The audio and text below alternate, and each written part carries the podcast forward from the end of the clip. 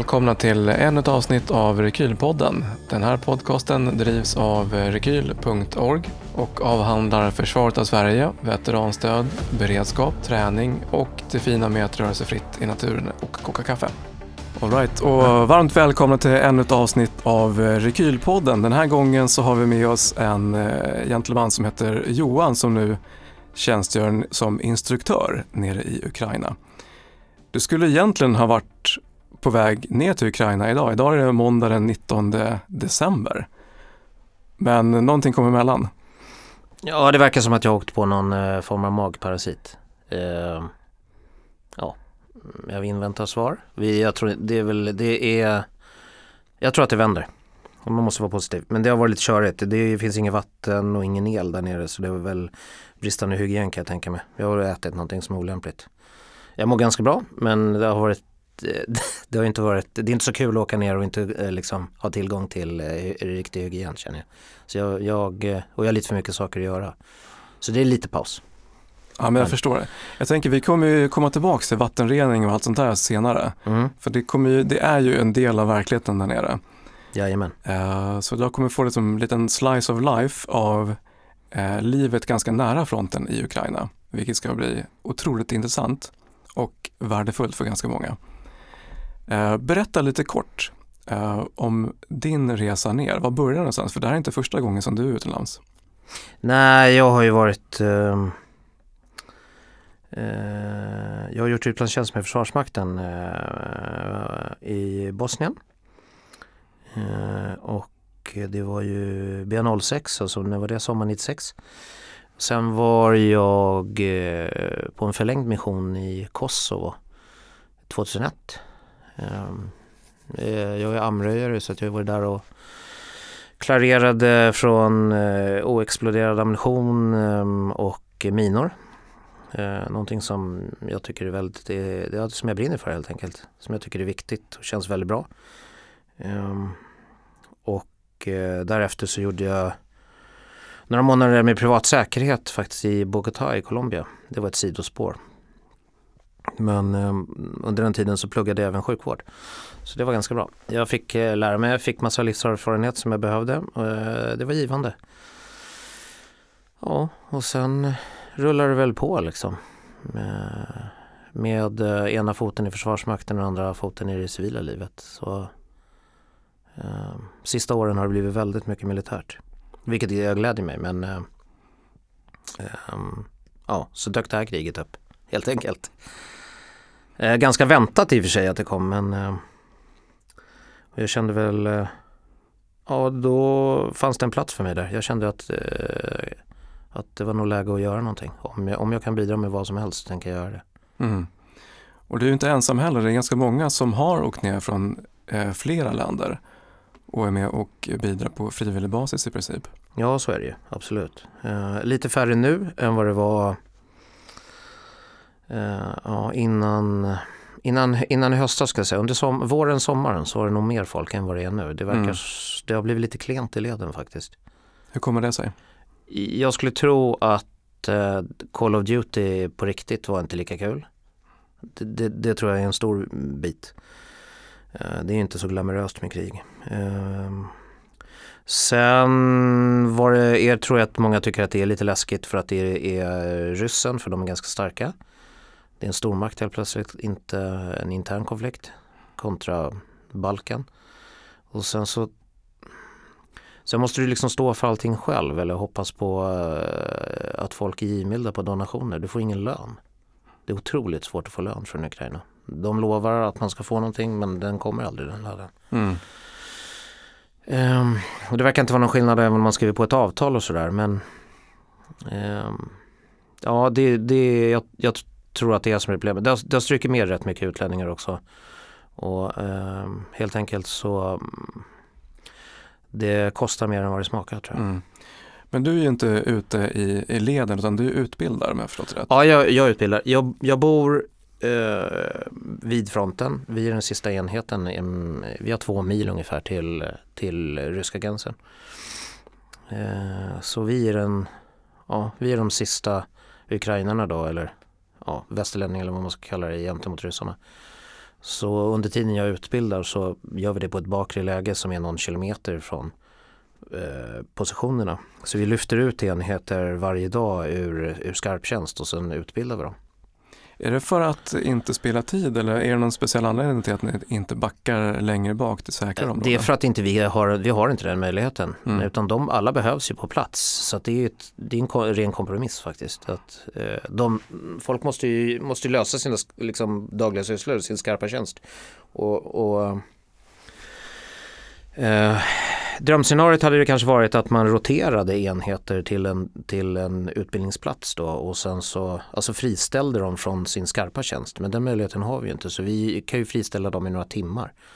En dag på sin höjd. Eh, och sen eh, åker de tillbaka och löser sina skarpa tjänster. Så de kan ha gått vakt eller patruller på nätterna och sen utbildar vi dem på dagen eller vice versa. Och det, det är en utmaning såklart. Um, men det, det är det läget som råder hos oss eftersom det är ju det är ett enormt land med på pappret en miljon soldater kanske. Det är några få procent av dem som har erfarenhet och eh, utbildning. Eh, majoriteten är ju då eh, alltså mobiliserade. Så det är ju alltifrån honungsingenjörer till bryggmästare och bibliotekarier och ja, eh, allt möjligt från himmel vad är åldersspannet där då? Eh, det är som i befolkningen i övrigt. Man har, eh, jag skulle tro att målbilden har varit 20 till 50 kanske. Eh, men jag märker jag har inget, jag, det har, jag har, de här grejerna har jag inte på papper men, men vad jag märker nu är att det börjar komma in folk som är 55 eller äldre. Förut så har man ju undvikit så pass gamla inom situationstecken men men jag tror att eh, folk börjar bli slitna och förlusterna är så pass stora så man måste liksom rotera och ersätta folk nu. Mm. Och, och, visst har man väl full mobilisering i Ukraina? Ja, den är full, det är full mm. mobilisering. Det är allmän mobilisering som gäller. Du får inte lämna landet om du är mellan 15 och 60 eller 15 och 70. De, de siffrorna kan jag inte men Just det. Eh, det är en utmaning. Eh, vi har ju folk som är liksom blinda och döva. Eh, vilket är annorlunda. Eh, att eh, de ska behöva göra det men det är nog ganska svårt att, mm. att peka på vem som ska och inte ska göra helt enkelt. För alla behövs ju. Vad är det du utbildar dig i? I grundläggande soldatfärdigheter framförallt. Mm. Men, och då menar jag klassisk infanteriutbildning. Eh, men ja, sjukvård, alltså eh, TOSen från Försvarsmakten och sen är det eh, även hur man klär sig. Hur man eh, tar hand om sig själv. Hygien, eh, lager på lager-principen. Eh, eh, ja, uppträdande i, i, i terräng, skog, eh, sidobebyggelse, eh, ja, pansarstrid, minstrid, eh, allting. Vi utbildar, jag utbildar ju det i det jag är utskolad i. Det är det svenska systemet som jag tycker är utmärkt. Vilket innebär att hela min bataljon är numera eh, svensk kan man väl säga. all, all, eh, det var lite motstånd i början på det men nu när alla har eh, förstått läget så pratar alla samma eh, språk. Eh, egentligen. Alltså, alla tecken och kommandon som vi använder i Sverige gäller även där nere och sättet som vi jobbar på är också väldigt likt det svenska. Alltså, vilket eh, de har nu insett att, att det verkligen fungerar. Att man kan om alla pratar samma språk så funkar mm. saker helt enkelt. Andra bataljoner och brigader, har de andra system som de utbildar Ja, det är väldigt mycket brittiskt. Eh, eh, har det varit, eftersom britterna var där i början. Eh, Sverige har också varit där och Kanada har varit där. Men eh, tyvärr så är det ju gamla Sovjetdoktriner som gäller. Alltså det är ju kommandotaktik kontra uppdragstaktik som vi använder. Eh, man ifrågasätter inte en högre chef, eh, vilket man såklart inte ska göra, men, men, men eh, soldaterna vet inte om vad uppdraget är. Utan det är bara chefen som vet hela tiden. Och man väntar hela tiden på att högre chef ska berätta vad man ska göra. Så försvinner chefen eller det blir, uppstår någon form av kunskapsvakuum då stannar allting av och så händer ingenting. Det är mycket penalism, det är svågerpolitik, det är korruption, Eh, och istället för att hjälpa varandra till att göra rätt så straffar man varandra om man gör fel. Mm. Så man, är, man gör hellre ingenting för att inte riskera att göra fel än att ta chansen att göra någonting rätt. Just det. Och ändå säger bilden lite grann av att man har lyckats med en del eh, Ja. uppdragstaktik och Exakt. ta terräng och, och agera lite mer Mm. aktivt. Jag tror att det har att göra med att i en del av framförallt eh, underbefälen och sergeanter och sånt har, faktiskt snappat upp en del av den västerländska utbildningen och kunnat ta chansen och de har nog också haft mentorer på plats. Um, ryktet säger att de har det fortfarande, jag har inte träffat på dem men landet är så stort så att, ehm, men ja, inofficiellt ska det ju finnas eh, mentorer på plats som hjälper dem Mm. eh, och som har också pushat på och tagit chansen när det har funnits det. Just Men, men jag tror att eh, oddsen skulle se mycket, mycket bättre ut om de hade ännu mer uppdragstaktik och kastat bort det gamla sovjetiska. det. Just det. Eh, och sen har det ju att göra kanske med vilken, vil, vilken typ av nivå det fienden är på. Alltså de, de är ju på riktigt eh, saknar utbildning och motivation och eh, har ganska undermålig utrustning och sådär. Men de har numeräret och det, det hjälper ju till. Mm. Va, har du justerat någonting ifrån det svenska systemet? Man måste runda hörnen lite snabbare. Eh, man får eh, rationalisera och ta bort ganska mycket. Det går ju inte att jag kommer inte ihåg vad en gruppchefsskola är, väl åtta veckor kanske hemma eller någonting sånt där. Motsvarande eller en eh, kulspruteskola är väl ett par veckor eller prickskytteutbildningen är väl tio veckor tror jag. Eh, här är det väl dagar. Och sen måste man se till att nöta in. Eh, vi har ju inte vi har inte den tiden. Eh, för att de måste göra annat och eh, det är skarpt läge hela tiden så vi har varken resurser, eh, alltså vi har inte övningsterräng, vi har inte tillräckligt många instruktörer, vi har inte ekonomiska förutsättningarna till att lösa det. Mm. Eh, så man, man får man får liksom välja ut det, hitta en lägsta nivå som är godkänd helt enkelt. Eh, men jag tycker att det, peppar peppar så funkar det bra. Ja. Jag, jag ser en enorm stegring mot när jag började där. Eh, hur låg nivån var, hur baklänges saker och ting var. Hur omotiverade de är. Eh, hela den där machokulturen och en, hade en ganska barnslig inställning överhuvudtaget. Att eh, liksom, det var mer som att de lekte krig. Eh, vilket är konstigt eftersom de borde vara eh, högst motiverade.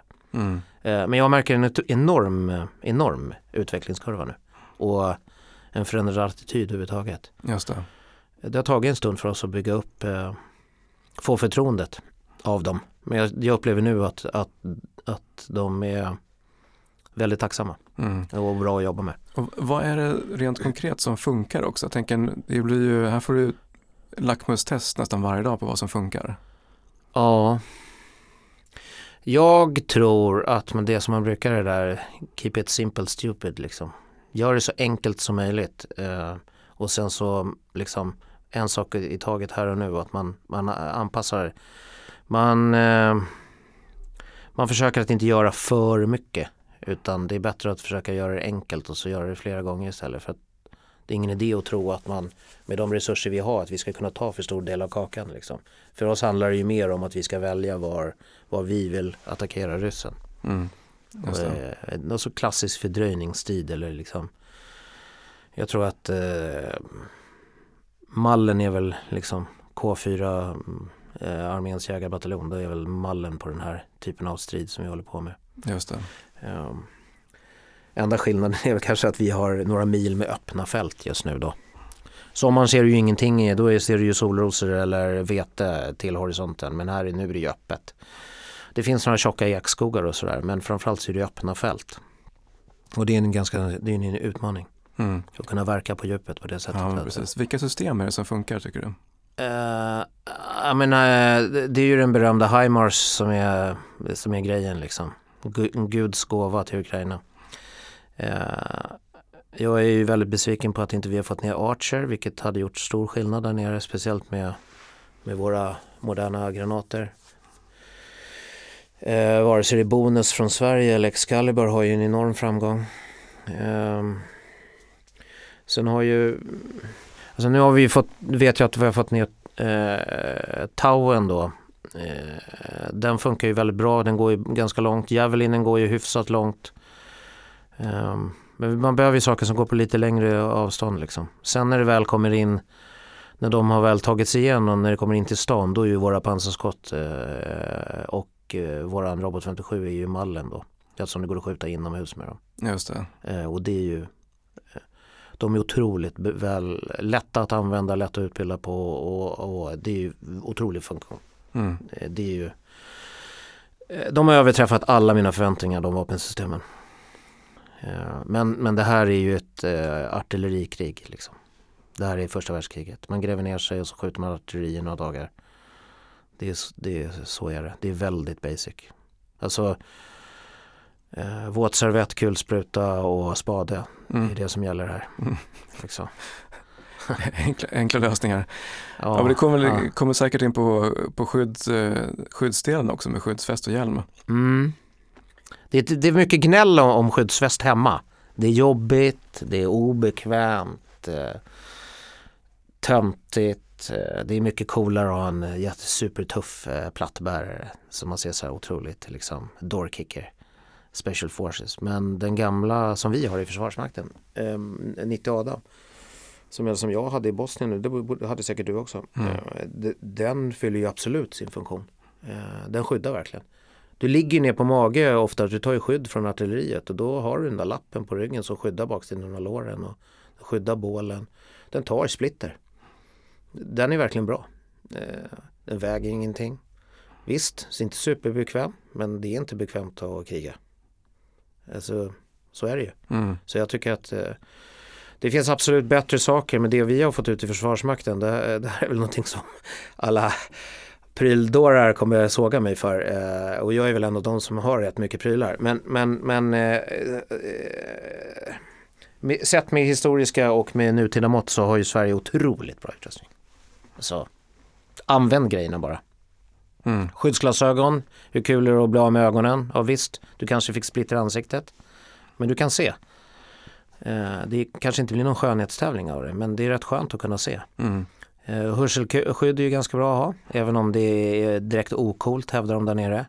Men det är rätt skönt att kunna höra också.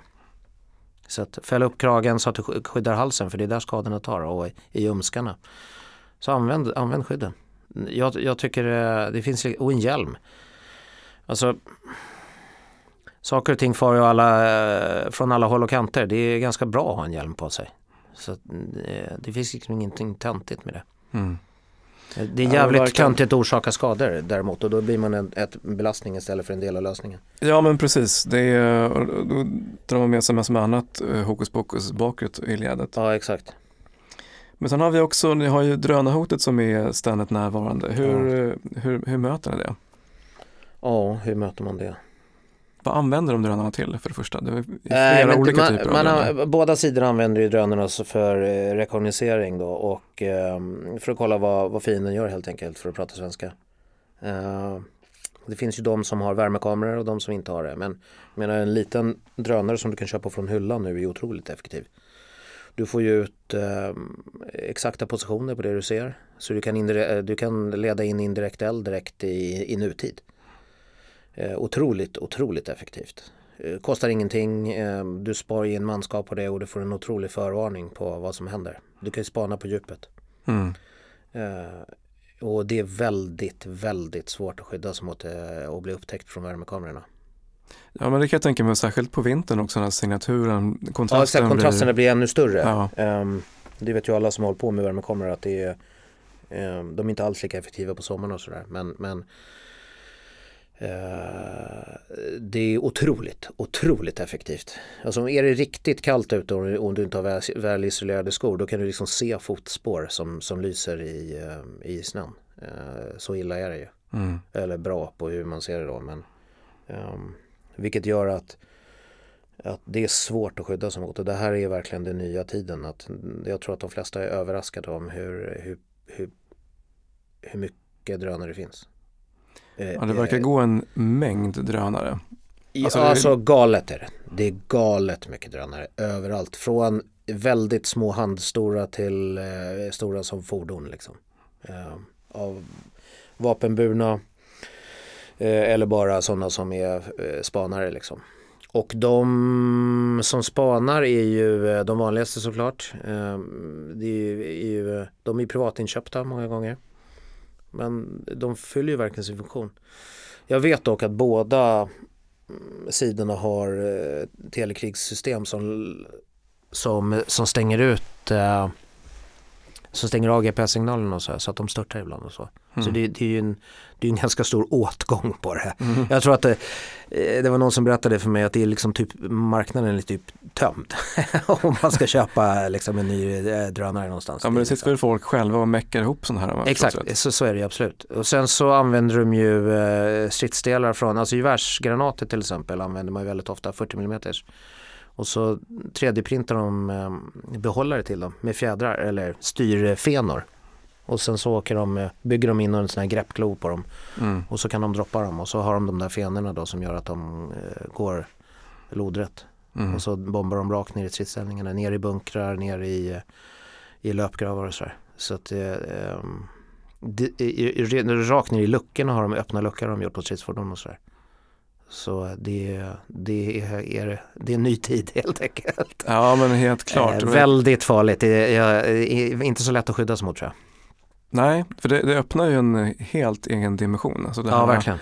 Eh, den låga höjden ja. som egentligen inte var någon dimension tidigare. Nej, e- exakt. Och, och, och jag vet ju från när man håller på med dem civilt hemma. Mm det är ju nästan, alltså en drönare på 50 meter och, och, som står och hovrar och du ser ju inte den. Du har inte en suck att se den. Liksom. Du ska ha tur om du ser den om det är en liten. Mm.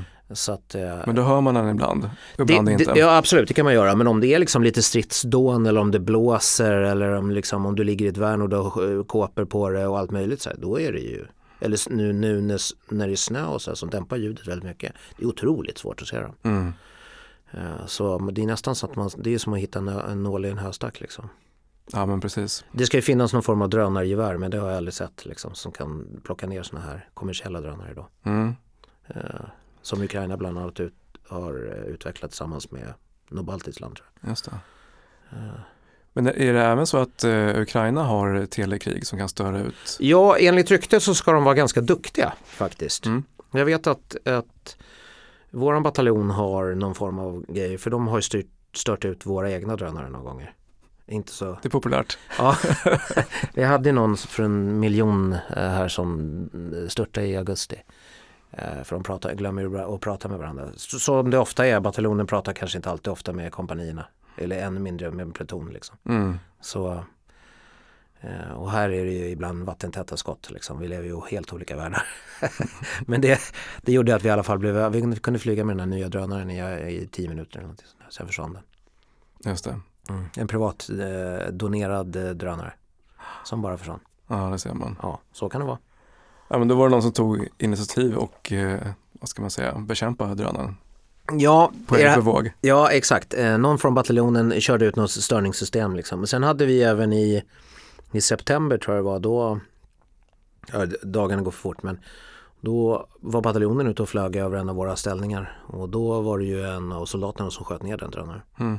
Vi har ju stående order på att bekämpa drönare direkt om man ser dem och det gjorde ju han.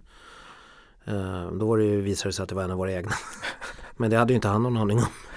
Aj, aj, uh, de hade ju glömt att berätta det. Att, mm. uh, och, och, och, så är det ju. Jag menar det är ju inte direkt ovanligt att folk kör in i egna mineringar eller posteringar. Ehm, för att man helt enkelt inte kommunicerar med varandra.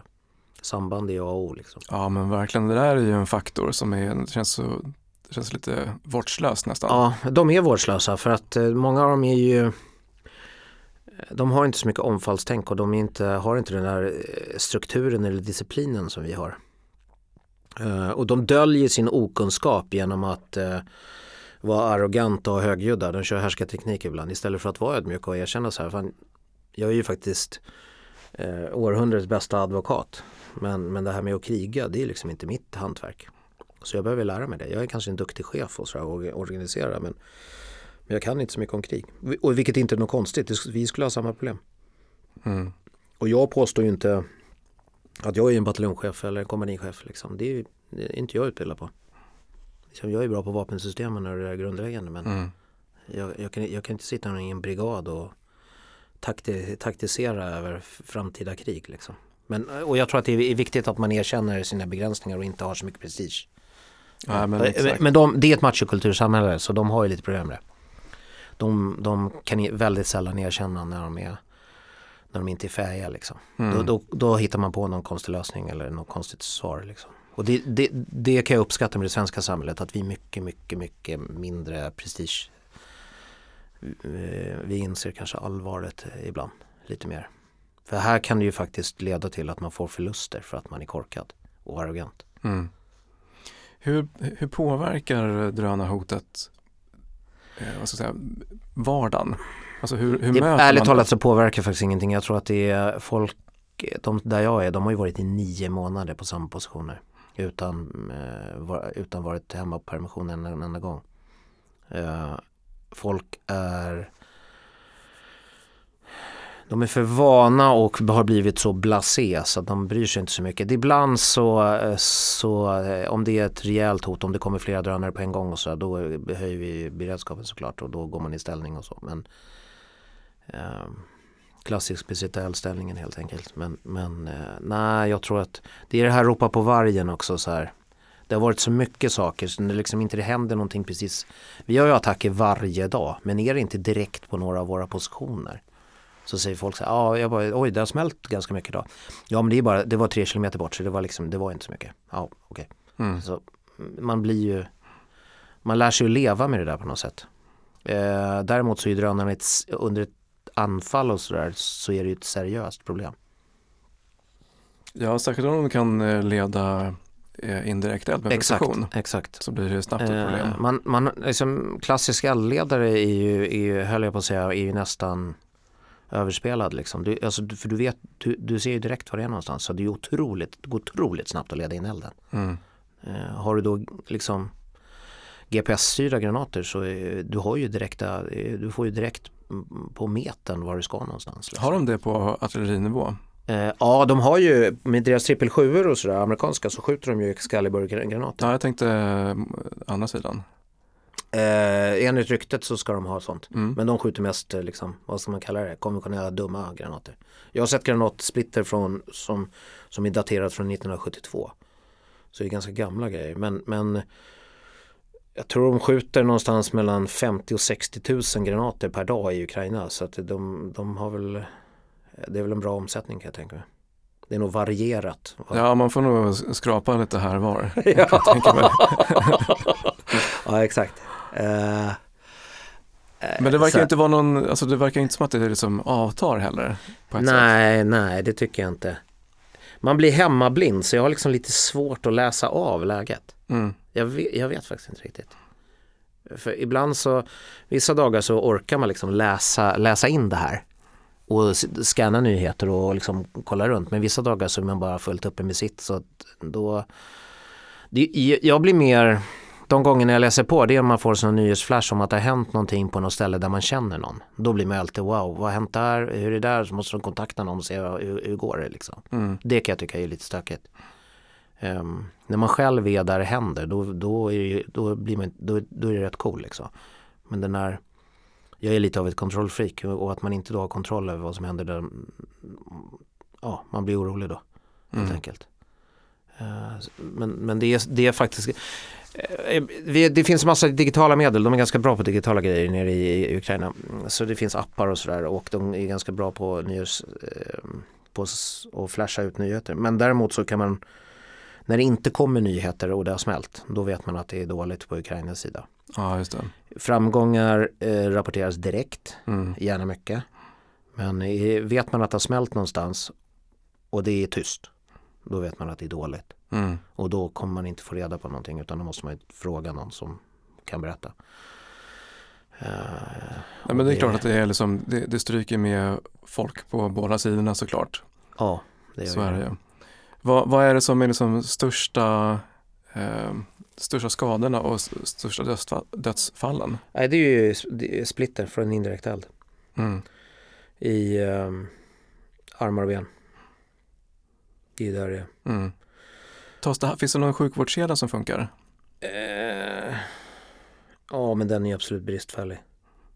Så som jag har förstått det, det här är inte riktigt, alltså jag känner ju folk som levererar de här grejerna som jobbar med men det är svårt att få någon överblick men det, är ju, det, det mesta är ju donerat. Mm. Det, så det kommer ju utifrån liksom. Så de är ju beroende av, eh, av hjälp utifrån för att få in prylar liksom. Och, och framförallt så får de ju in, alltså smärtlindring är ett jättestort problem. Just det. Men, men jag hörde någon siffra om att det var 44 000 som saknar, eh, eller som väntar på proteser. Oj, oj. Och i somras var det brist på sytråd för eh, gynekologi. Eh, och det ska ju inte liksom, hur är det ens möjligt att det kan vara slut? Mm. Eh, så att, eh, ja jag vet inte. Äldreomsorgen saknar ju liksom allt egentligen. De har ju bara lämnats liksom. Jag har varit med och levererat vuxenblöjor och hygienartiklar och så. Det finns ju ingenting. Liksom. Nej. Det- Nej men det- särskilt så här års också. Men det, det blir eh, svalt i stugan här plötsligt Det kan man också. säga. Mm. Jag vet inte hur kallt det är där idag men det är väl några minusgrader och de har haft någon attack i natt eller i morse igen i Kiev bland annat. Det är tre miljoner som är kvar där. Mm. Eh, majoriteten saknar el och vatten och bor man i lägenhet, eh, de har dessutom ingen isolering i sina lägenheter. Nej. Eh, det är ju stenhus liksom. Um, bokstavligen sten. eh, eller gammal sovjetbetong och då det blir ju väldigt kallt. Hur funkar det? Jag vet faktiskt inte riktigt. I, i, i min värld funkar det faktiskt inte.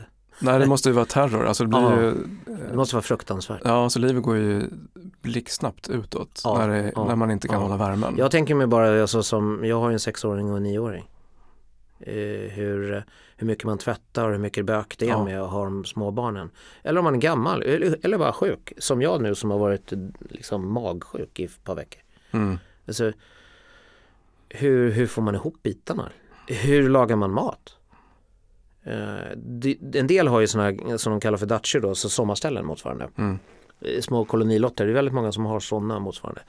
Och där kanske de har möjligheten till att elda lite och så. Så jag vet att det har eh, ryktats om att en del vill åka ut till sådana ställen. Eller bor ju i små eh, villor då eller kåkar på liksom, när du inte bor i, i stora fler, flerfamiljshus. Då, då har du ju kanske en kamin eller en vedspis eller någonting. Där, de har ju mycket, mycket bättre. De kanske har en brunn. Det är många, mm, alltså det är lite så som vi hade för 100-150 år sedan. Det finns en, en eller två sådana här eh, bybrunnar som du kan gå och pumpa upp vatten ur om du inte har vatten rakt in i huset. Liksom. Just det. Ja, för det är ju nästa grej, vatten. När, Mm. den, när det havererar så Ja, det, den gör ju, det gör ju det för att de flesta pumpar drivs ju av el. mm. Så har du ingen el så funkar inte vattnet. Ehm, du kan inte eh, betala med kort eh, och du kan inte ta ut pengar från bankomaterna för de drivs ju av elen. Eh, I Kiev och alla stora städer när det inte finns ström så slutar ju trafikljusen och, och, en stor stad som Kiev med liksom ett par miljoner invånare när det inte finns några trafikljus så måste polisen stå och dirigera och det är kolsvart överallt. Folk bär inte reflexer. Mm. Livsfarligt. Ja, det är ju lite så här. Maten blir dålig även om de flesta affärer faktiskt verkar nu ha fått igång sådana egna elverk och sådär.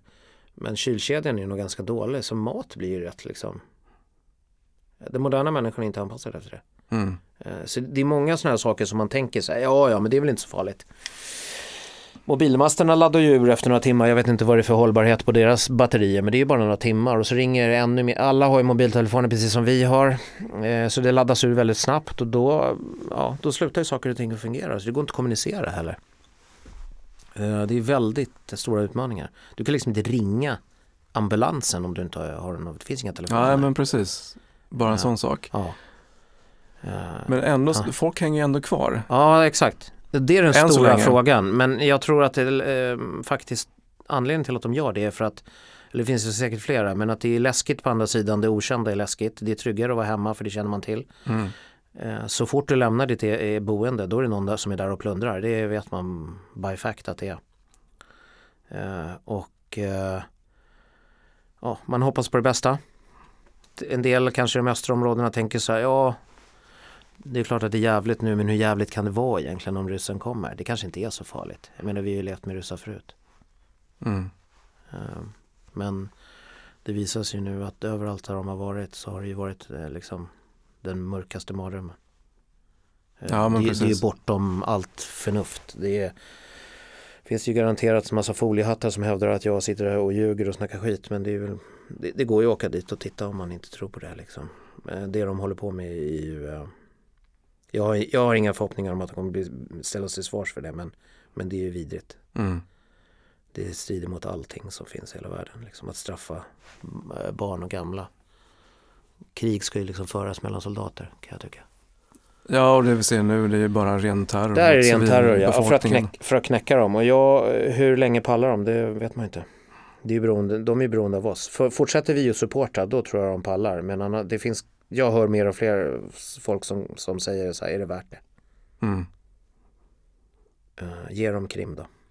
Men samtidigt så vet man ju att om de får det så kommer de bara vänta och så tar de något nytt och så tar de något nytt och så tar de något nytt. Ja, Så- för det här, så om man historien, ser liksom. på intentionen så är det ju det är inte bara att det är det här och nu och det är Ukraina utan intentionen är att skapa en ny Sovjetunionen. ja, men ord, ja, ordning runt omkring sig själv. Mm, exakt. Sverige och Finland fick ju också sin Mm. vad ska säga, slänga av sleven där vi skulle ingå i någon form av intressesfär och så vidare. Ja, exakt. Jo, men det tror jag. Eh, om, om man pratar med vanliga, vanliga, det låter så konstigt, men Svensson eller sådana där, eh, jag vet inte vad jag ska kalla dem, alltså tyskar och, och eh, fransmän, italienare och un- ungrare. Så säger de så här, men det är för dyrt. Men det är mycket dyrare att, att låta ryssen ta över. Mm. Det, problemet är ju att vi inte skulle ha satt oss i den här sitsen, men nu har vi gjort det. Nu får vi lira efter det. Vi får eh, spela efter de regler som finns. Vi måste sätta stopp för att jag tror att de kommer fortsätta. Och ingen av oss är ju liksom är ju beredda att backa i den utveckling som vi har med de fria och rättigheter som vi har. Ja, åtminstone inte jag det. Och, och, och den yngre generationen i Ukraina säger ju att det är så många nu som har dött. Så det, vi, det finns bara ett steg och det, måste, det är framåt. Liksom. Vi kan inte ge upp nu för då har vi dött förgäves. Mm. Och den yngre generationen som kanske är ja, under 45 eller någonting, de vill inte ha korruptionen längre. De vill inte leva i någon gammal Sovjetunionens stil utan de vill tillhöra Europa. Mm.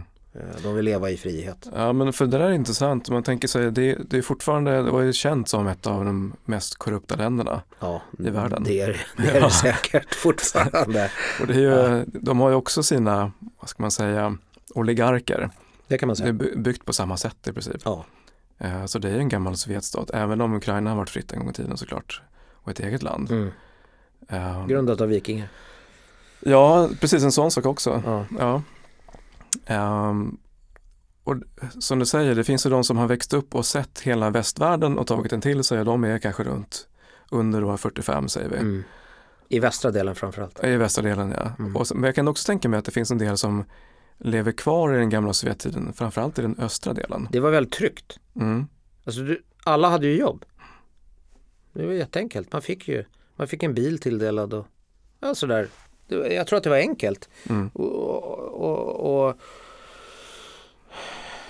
och, det tror jag när man pratar med folk så det finns ju en del gamla, speciellt i det området där jag är, där är det ju 80% etniska ryssar egentligen. Hur, hur, säga, hur yttrar det sig? Det är trots att de tycker inte att vi har där att göra Mm. till exempel. Och i början av kriget när ryssarna gick in där, de var där i några dagar i det området men de rullade bara rakt igenom. Det avfyrades inte ett skott, det hände ingenting, de bara rullade rakt igenom. Och då fanns ju inte Ukrainas armé på plats då. Alltså de kan ju inte vara överallt. Eh, då rullade de bara rakt igenom och de välkomnade dem för de tyckte det gjorde ingen skillnad. Och det gjorde det inte i det området heller. Det är många av dem, eftersom som vi bor så nära så har de nog arbetat och eh, haft liksom handel med den andra sidan. Jag tror att det är många som eh, dagligen har varit inne i Ryssland. Och så här. Jag har dålig koll på det men det, vi har ju en del gamla Sovjetmänniskor som på fyllan kommer att visa tatueringar för oss från Sovjetunionen och säger att de har varit eh, både det ena och det andra i, i ryska armén och säger att vi ska åka hem. Och, eh, de här människorna från storstäderna eh, ja, kan ju mer eller mindre dra och Ukraina är ett skitland och sådär. Sen har vi de yng- yngre så, som säger precis tvärtom där. Mm. De är inte intresserade av att leva ett sånt här liv. De, de är hellre liksom lyckligt eller säga, olyckligt vetande än eh, liksom lyckligt ovetande. De vill vara som vi Eh, och, de tycker att det är okej att man får kämpa lite eh, och så. De vill inte gå genvägar utan de vill ha saker och ting rätt även om det, det kommer ta lite längre tid. Men det är jobbigt att behöva gå till rektorn och, behöva betala för att få ut sitt betyg. Ja, Eller liksom känna någon som du kan betala så att du kan gå till doktorn och, just det. och alla de där Ja, det är på den nivån. Ja, det, det, är ing, det är ingen som vill ha det så. Nej. Eller de yngre vill inte ha det så. De, de andra var ju nöjda. De har, många av de äldre har ju ganska lågt ställda krav. Eh, Alltså, de är så fundamentalt olika oss. Medan de yngre är väldigt lika oss mer. Mm. Men hur funkar civilsamhället nu? Det är full mobilisering Ja. och de som inte är vid fronten de jobbar så att men folk Ja, har de jobbar, fortfarande sina ja, jobb. hur systemet för, har jag faktiskt, jag har ställt en fråga någon gång men jag har aldrig liksom för, jag, eh, vad jag förstått i alla fall i början så var det ju så här om du kände rätt personer då behövde du inte bli mobiliserad och så här, då kunde du lösa det på något annat sätt och så.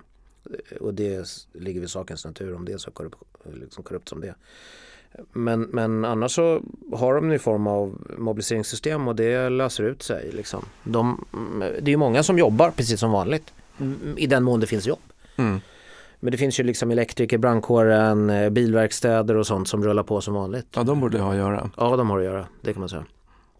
Eh, sjukhuspersonal och sådär. Mm. Eh, så jag förstår inte riktigt hur kriterierna är. Men det, en sak som är slående det är hur de försöker ha ett normalläge. De försöker verkligen ha ett normaliserat läge och kämpa på.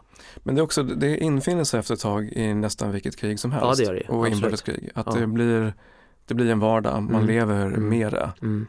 Och som du sa tidigare, att folk blir lite blasé Mm. och man försöker ändå ha någon form av normalbild i alla fall. Även Exakt. fast det är Och de gör, de liksom gör det med högt buret huvud och så, här, så att ingen som ska försöka, framförallt de yngre tycker jag.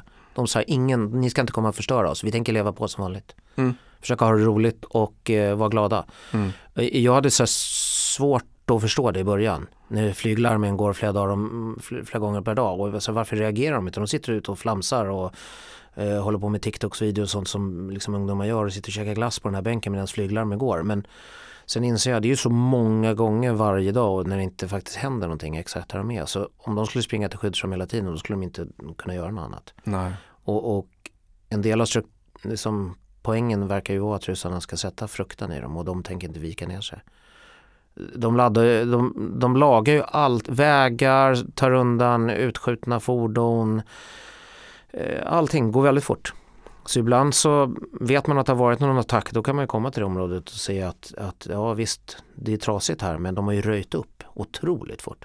Mm. De är väldigt, väldigt duktiga på det. Att skapa en normalbild. Eh, Det är väldigt rent. Det är mycket re- renhållningsarbetare som sopar gatorna och städar och fixar och donar. Liksom. Väldigt vänliga människor. Kämpar på. Nu är det såklart, man märker att det börjar ta på dem nu. Ehm, nu har ju även Lviv eh, och de västra delarna som har varit förskonade egentligen har börjat bli drabbade och, och innan dess så har det väl varit liksom de östra delarna då har man inte brytt sig lika mycket kanske men nu när de även de har saknar el och vatten så börjar det Mm. bli jobbigt för, även för dem. Så jag, man märker att det, det är jobbigare nu. Så, såklart, det är ju lättare på sommaren.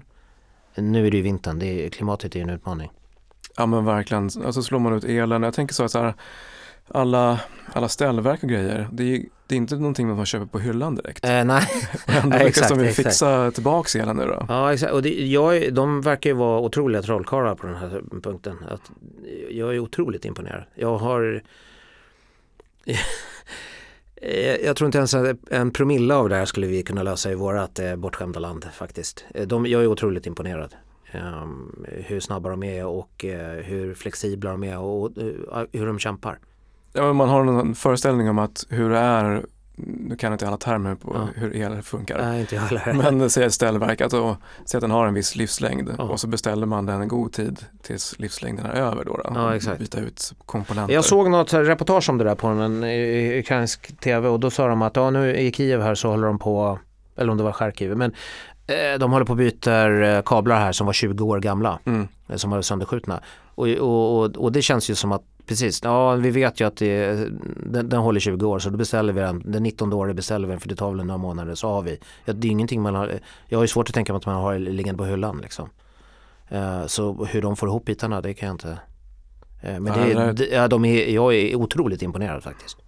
Det är på något sätt så att de bara Det är en sån här katt och råtta-lek liksom. De, de viker inte ner sig utan de ser till att lösa det. Mm. Men, men jag, ryktet säger ju nu att nu börjar det liksom det börjar bli lite tomt, tomt på hyllorna så det, det blir mer och mer utmaningar. Vilket jag förstår. Så jag hoppas att västvärlden även ser till att skicka in sådana saker. Ja men verkligen, för det är som de lyckas laga broar, de lyckas Ja, laga ja, dammar, de ja. lyckas laga Ja men vägar verkar vara det enklaste att laga. Och, och, pro- ja, exakt och, och problemet är ju faktiskt att nu när du ska röja de här sakerna så ligger det ju rätt mycket exploderad ammunition Mm. och rätt mycket miner och sådär. Ja. Bara vid sidan av vägen ligger det rätt mycket miner så det, det är ju flera liksom, eh, ja, byggnadsarbetare och vägarbetare som faktiskt har strykit med på grund av de här grejerna. För ryssarna har ju minerat oerhört mycket. Alltså både personminer, avståndslagda miner och eh, stridsvagnsminer. Eh, och även eh, gjort försåt med improviserade laddningar. Eh, de verkar vara otroligt uppfinningsrika på den grejen och det verkar vara någonting som de gör med stor entusiasm. Mm. Otroligt mycket är det. Eh, kylskåp, mikrovågsugnar, eh, ja you name it, eh, lik, allting. När de har varit någonstans så är det minerat. Och, och, det är ganska mycket allvarliga skador på det. Tyvärr. Ja, det, belastar ju hela kedjan bakåt med sjukvård. Och eh, med... exakt, och, gör att ehm, hjälparbetare inte, alltså hjälp, de civila hjälporganisationerna vågar inte jobba där, mm. vilket jag förstår.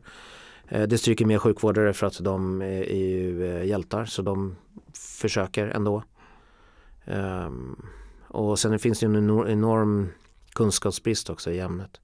Liksom, så det, det, är svårt för dem att få ihop bitarna. Mm. Uh, barn leker ju med sakerna ja, men som precis. barn gör. Ja. Inte kul.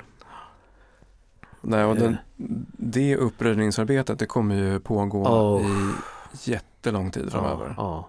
Om det någonsin går att klara upp. Ja, exakt. Jag menar, på Balkan finns det ju kvar ett par miljoner miner fortfarande. Mm. Uh, men Halo Trust är där tillsammans med, med någon, det är något annat norskt också som är där och röjer runt Kiev vet jag. Jag tror att de röjer lite i Charkiv också. Jag har lite dålig koll på dem men jag pratade med dem i, i Kiev. När jag var tvungen att stanna där, då höll de på röjde. Då röjer de längs med vägarna där. Mm. Uh, och problemet är kanske som precis när är på Balkan så har man inte använt minprotokoll och man minerar framför sin egen ställning. Och så flyttas ställningen och så minerar man en gång till och så flyttas eh, liksom gränsen flyttas fram och tillbaka. Så det är kors och tvärs mineringar och ukrainarna har minerat eh, en del och ryssarna har minerat. Så sen har man ingen aning om vad det är för någonting. Och så flyttas jorden för att det kommer jordskred och det eh, finns inget bergart, det är bara lera så de flyttas, flyter, flyter runt, förflyttar sig. Ja, just det. Um, det ligger bråte överallt och så så att det är, ja, det är en utmaning tror jag. Helt klart. Um. Hur många frivill, alltså hur, hur funkar frivilligverksamheter? Det känns som att det är väldigt många mindre självorganiserade frivilligorganisationer. Hjälporganisationer? Ja. ja, det är ganska, Eller det är ganska många. som små, alltså dels de som är, är, i Ukraina, som är ukrainare själva som organiserar mm. sig. Mm. Men även folk som kommer utifrån såklart. Hur funkar de? De funkar nog uh, hyfsat bra tror jag. Uh, de, jag tycker de verkar göra skillnad. Mm. Um, de är ju man kommer ju väldigt mycket med, med motivering och, och liksom jävlar anamma och det tycker jag de har. Mm. Eh, och eh, de är otroligt entusiastiska och brinner ju för det här, det är eldsjälar liksom.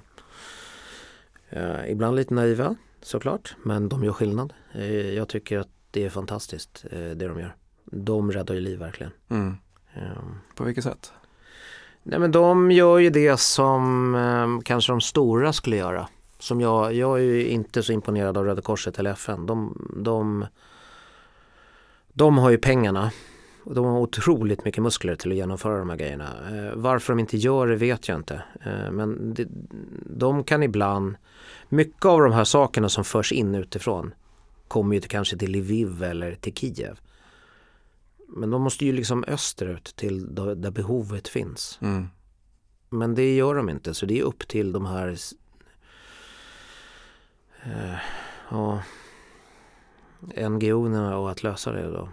Eh, jag har jobbat rätt mycket med Operation Aid som är en svensk som jag mm. tycker är jättebra. Um, de, Vad är de, de gör konkret? Nej, men de, de är ju en fristående och gör sin, sin egen grej och uh, jobbar ju med liksom uh, privat uh, finansiering och donationer och de gör rätt stor skillnad. De, de åker ju ut till behovet mm. och, och liksom känner vid de som är på plats och sådär. Och, och, för det, mycket handlar ju om connections och handl, det handlar ju rätt mycket om att man måste lämna ut grejerna direkt. För eh, problemet är ju om man lämnar till fel person då finns det stor risk att det kommer få eh, liksom, på avvägar. Att det, det, det, ska knoppas av, det ska tjänas pengar på det också. Det säljs och det är ukrainare som vill stoppa i egen ficka och sådär. Eh, för att de har egna behov eller så är de bara giriga. Men det finns ju många som det finns ju en utmaning i det. Du kanske har massa släktingar som du behöver hjälpa och så får du chansen och då tar du den liksom. Det det. finns ju liksom inga riktiga regler i krig.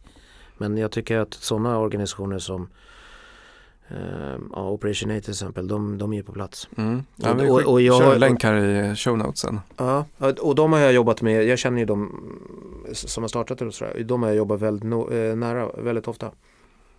Och Tilde som, som är deras, har varit representant på plats, hon har ju varit här ända, ända sedan början. Eh, och hon är fantastisk. Mm. Hon är ju längst, längst framme.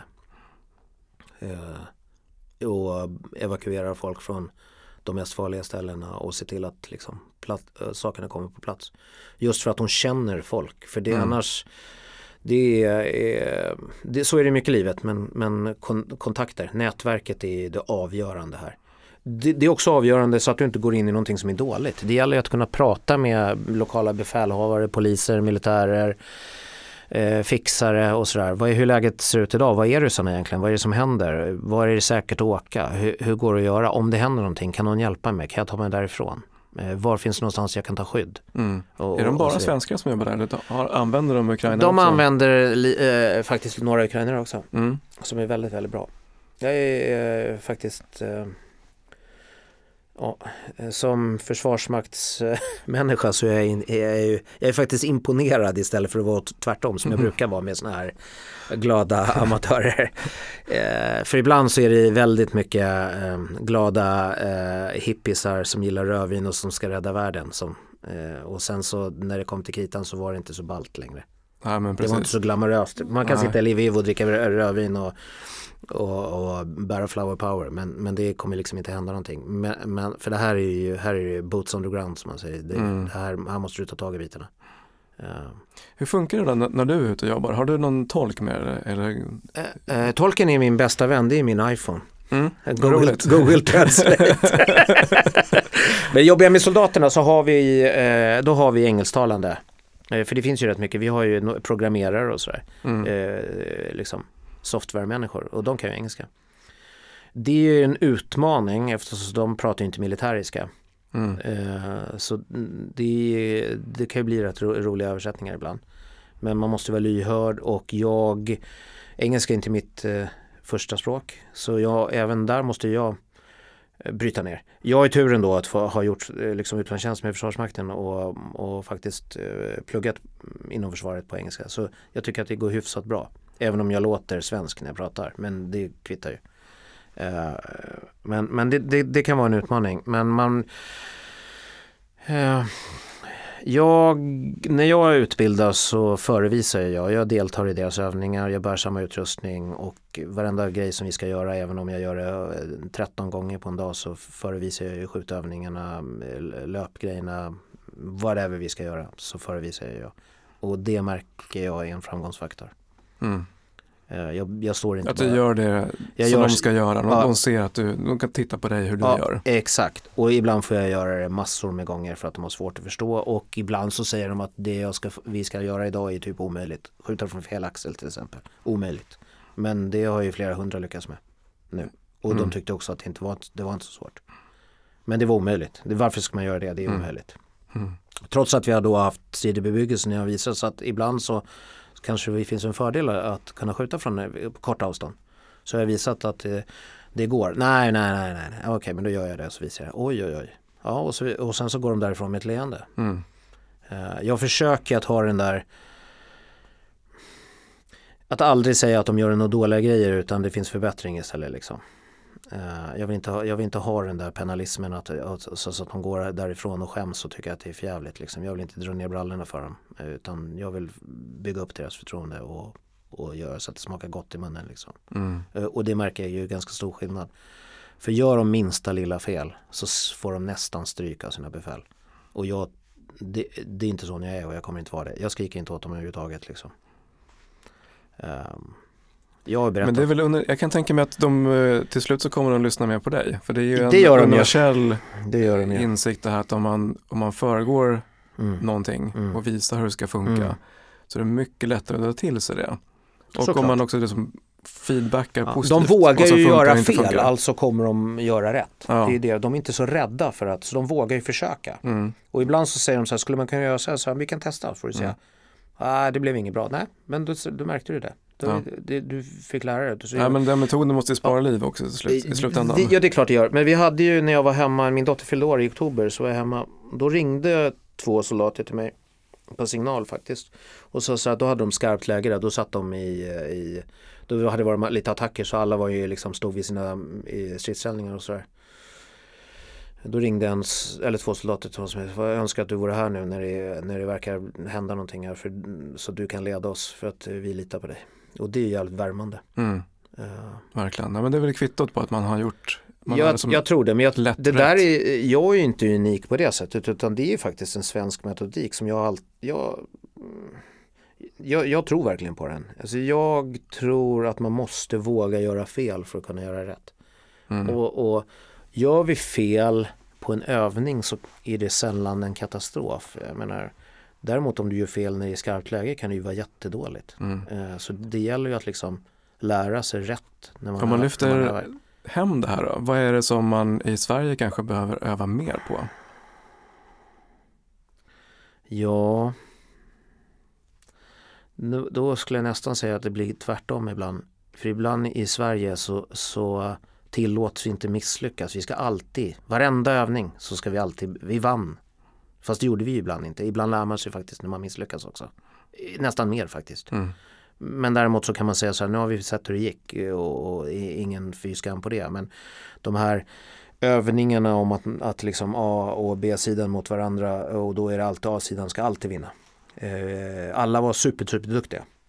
Nej men alla, vi var inte det idag. Mm. Och, och, och varför var vi inte det då? Jo, För att vi har övat för lite. Eller vi har blivit lärda fel. Men då är det ju kanske arbetstiden som, som styr det och, och, eller de ekonomiska förutsättningarna.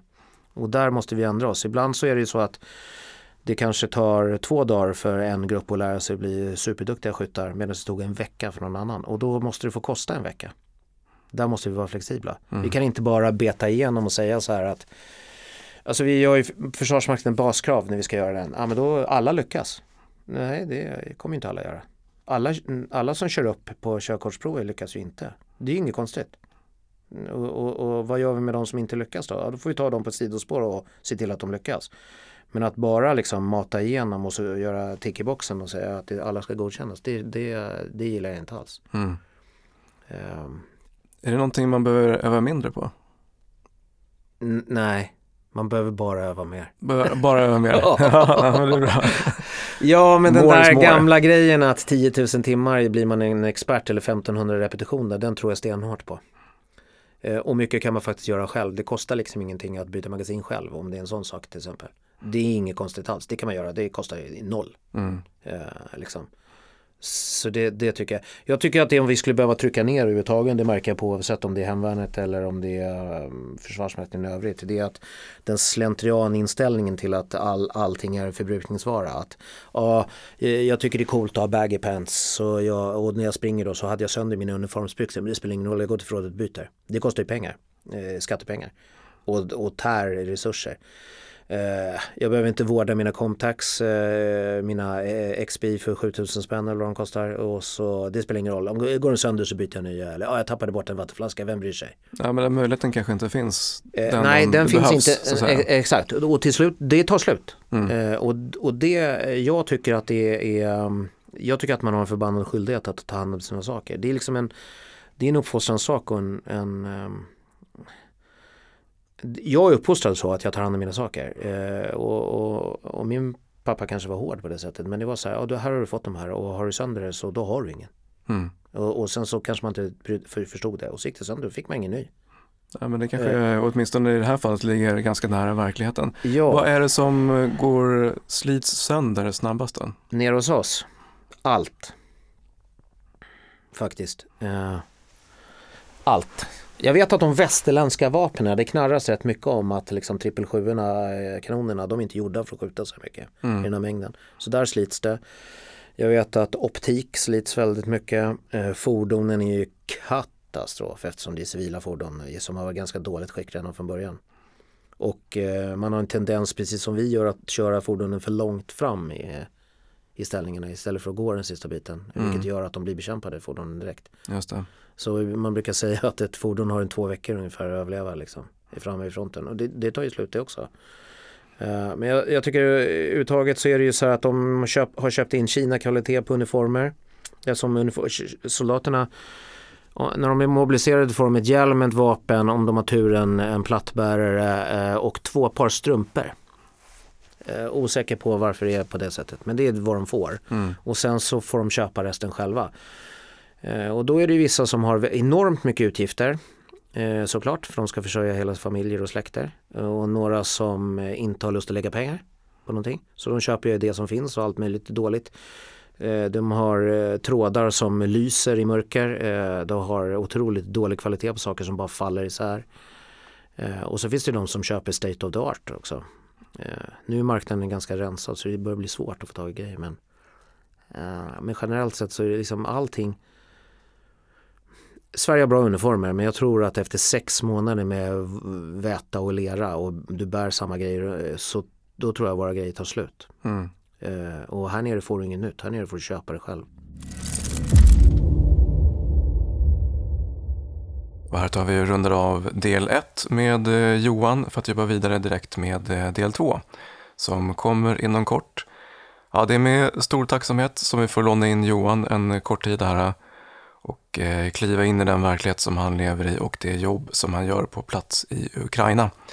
Eh, Syns snart igen. Passa på att eh, prenumerera på podden och tveka inte att ge den betyg. Det här gör det enklare för andra att hitta hit. Eh, länkarna från avsnittet hittar du i show notes och oss på Rekyl hittar du på rekyl.org. Och till sist, se till att öka din handlingsfrihet genom att ge dig ut och träna. Tja!